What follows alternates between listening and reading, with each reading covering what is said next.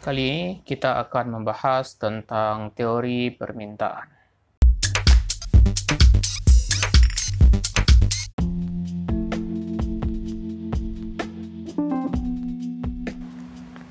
Teman-teman, permintaan adalah aspek penting dalam perusahaan.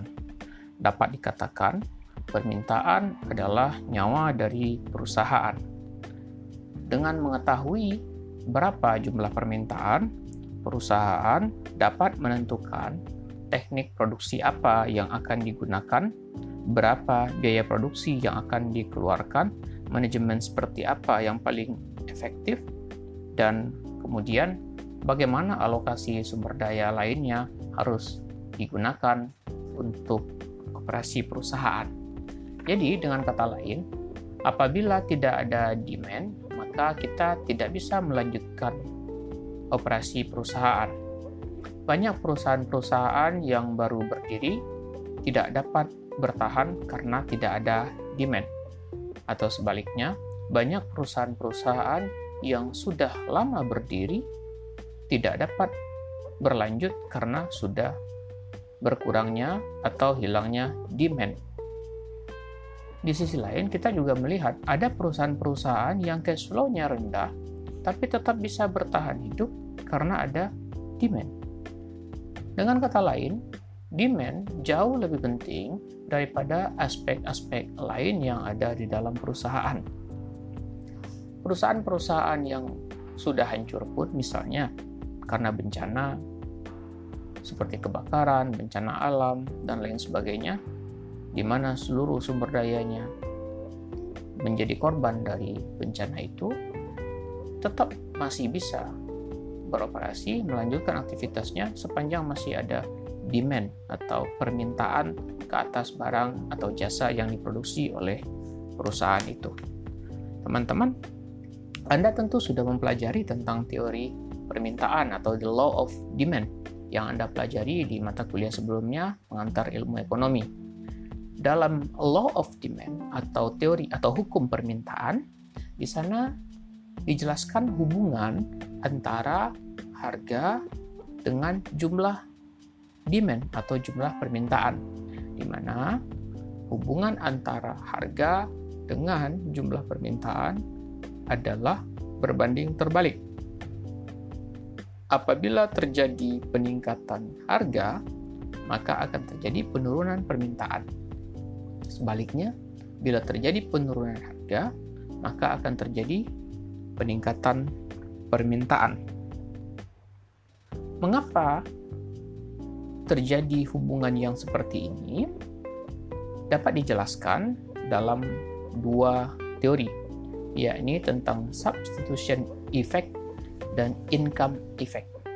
Substitution effect atau bahasa Indonesia efek substitusi, income effect, income effect atau dalam bahasa Indonesia kita sebut sebagai efek pendapatan. Pada kasus substitution effect, maksudnya adalah bila harga dari suatu produk naik, maka permintaan yang tadinya ditujukan ke atas harga produk yang naik itu akan pindah kepada substitusinya. Sehingga dengan demikian permintaan individu terhadap suatu produk akan berkurang.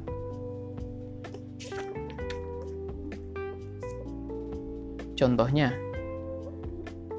bila misalnya harga dari suatu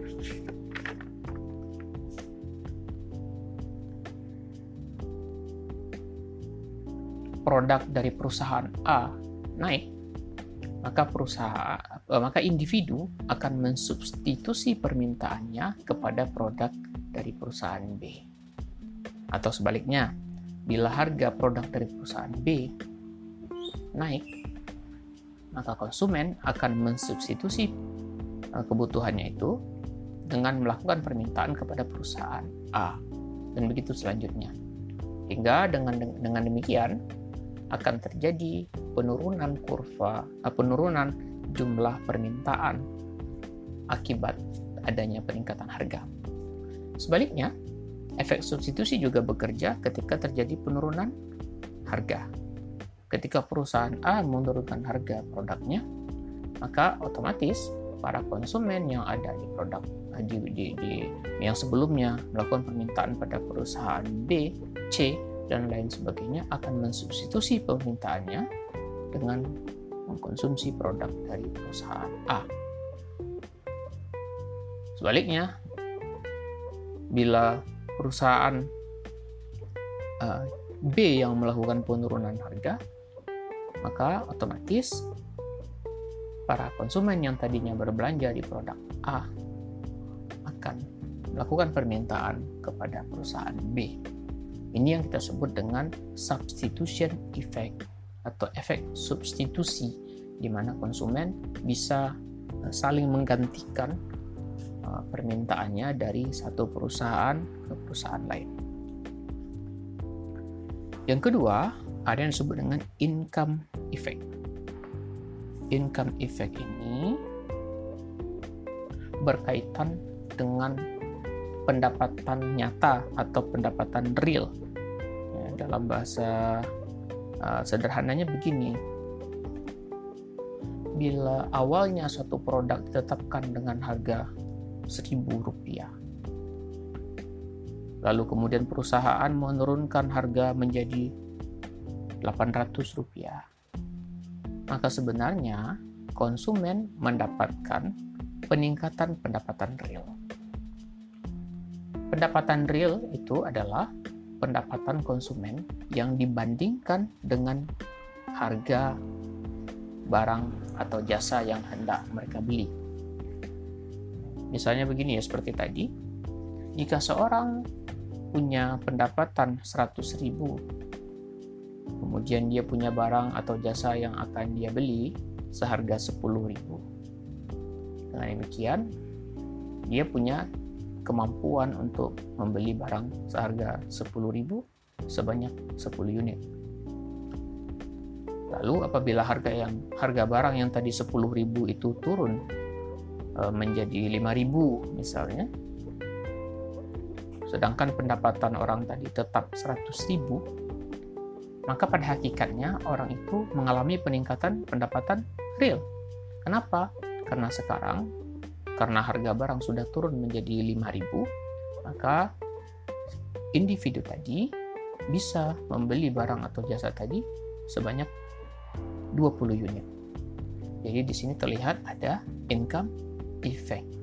Ya, jadi efek permintaan di mana sorry efek pendapatan di mana pendapatan konsumen itu mengalami peningkatan atau pendapatan real konsumen mengalami peningkatan oleh karena itu, eh, akan ada pengaruh dari peningkatan pendapatan real ini kepada jumlah permintaan. Seperti tadi kita contohkan, bila tadi dengan uang Rp100.000 ia hanya bisa membeli 10 barang dan jasa yang masing-masing harganya Rp10.000, sekarang apabila harga itu diturunkan menjadi Rp5.000, ia dapat membeli sebanyak 20 unit barang atau jasa.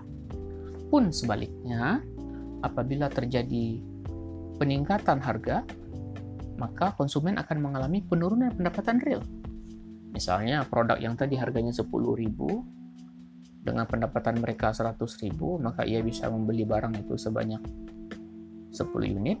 Sekarang apabila harga barang atau jasa itu naik menjadi 20.000, maka si konsumen hanya dapat membeli berapa?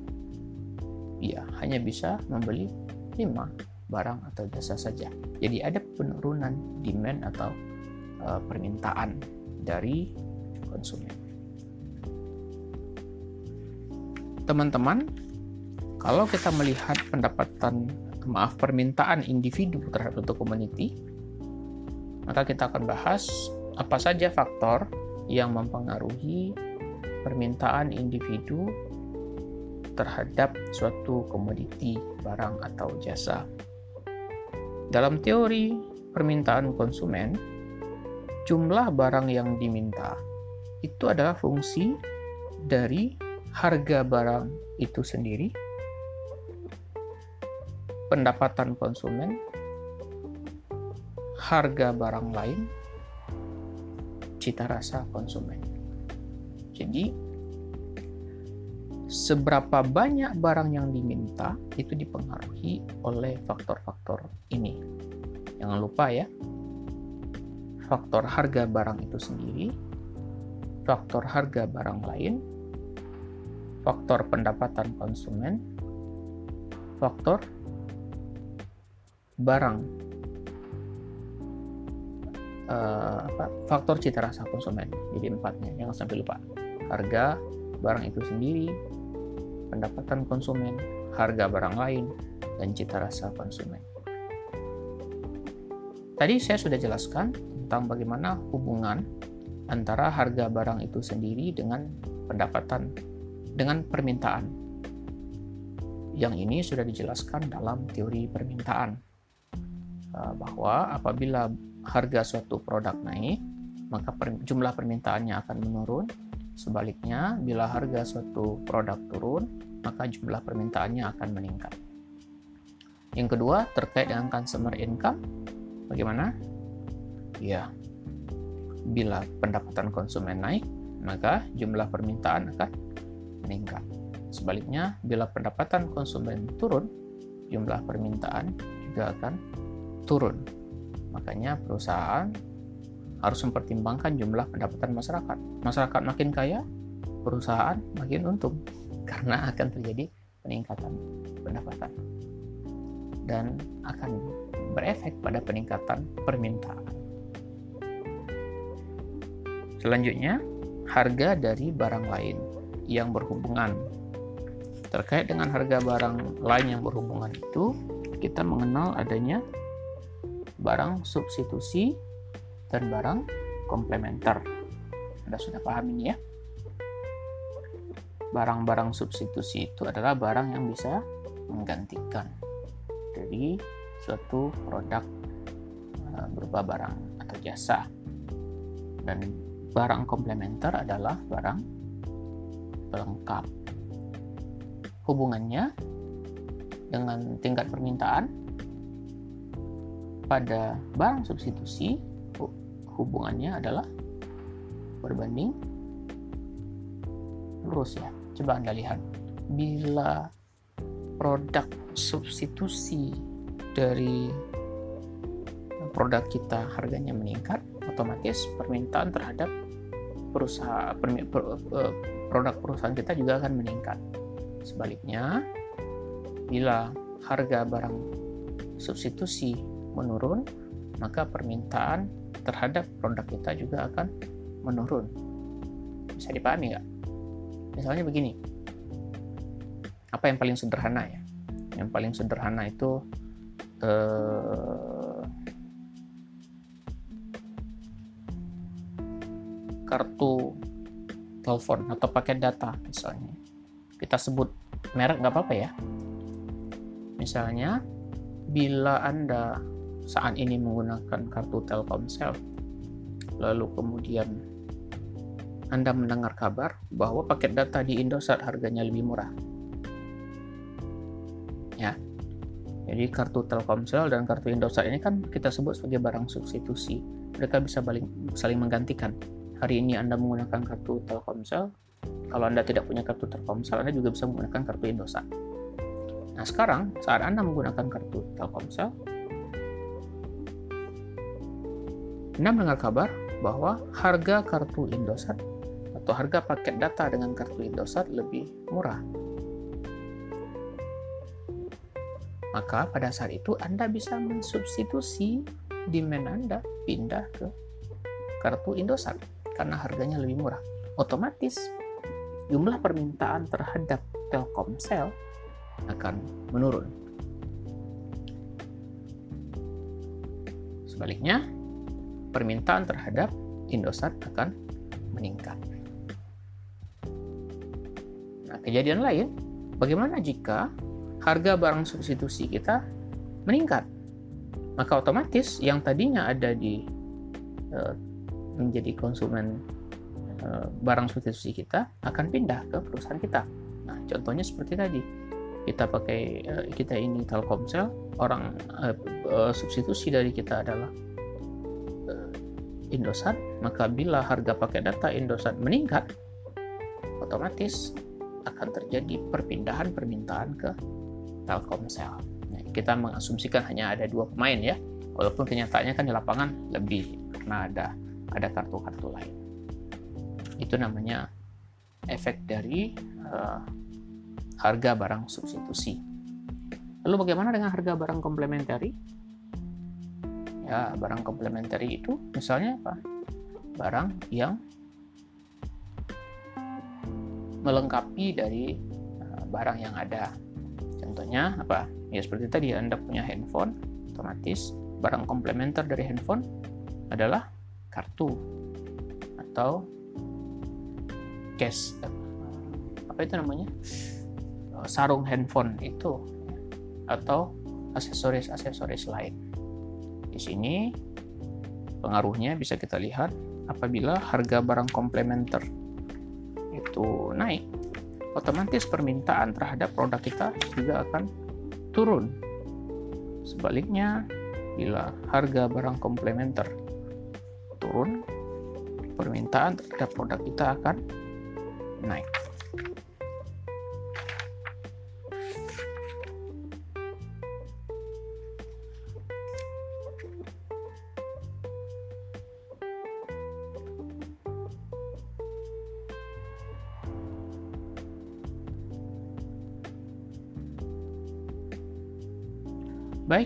Selanjutnya berkaitan dengan cita rasa konsumen atau the taste uh, of consumer. Di sini, apabila ada kecenderungan konsumen terhadap produk kita, maka otomatis produk kita juga akan uh, menarik apa meningkat permintaannya.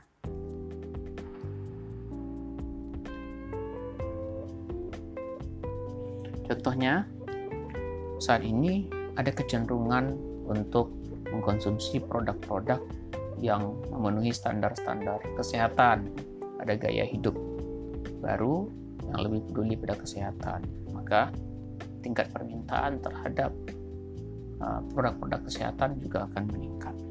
Misalnya orang lebih suka beli daging tanpa kolesterol. Atau sebaliknya, ada penurunan karena adanya perubahan cita rasa konsumen. Sekarang itu mulai banyak kampanye-kampanye tentang green economy misalnya. Orang tidak mau lagi pakai kantong plastik. Maka terjadi penurunan permintaan terhadap kantong plastik. Itu penjelasan tentang uh, cita rasa konsumen. Teman-teman, kita juga mengetahui ada produk-produk tertentu yang mengalami pengecualian, seperti misalnya barang-barang inferior. Barang-barang inferior eh, dia dikecualikan dari hukum permintaan. Jika hukum permintaan mengatakan bahwa jumlah permintaan itu berbanding terbalik dengan harga, di mana ketika jumlah ketika harga naik jumlah permintaan akan turun atau sebaliknya jika harga turun permintaan akan naik pada barang-barang inferior bisa jadi kondisinya berbeda. Bisa jadi barang itu akan lebih dicari bila harganya naik dan kemudian bisa tidak dicari bila harganya turun. Contohnya pada kasus barang defense.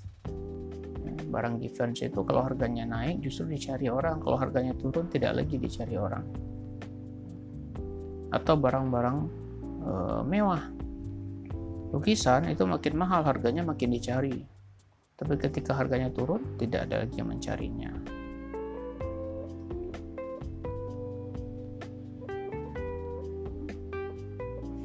Nah, barang-barang inferior juga berkaitan dengan pendapatan.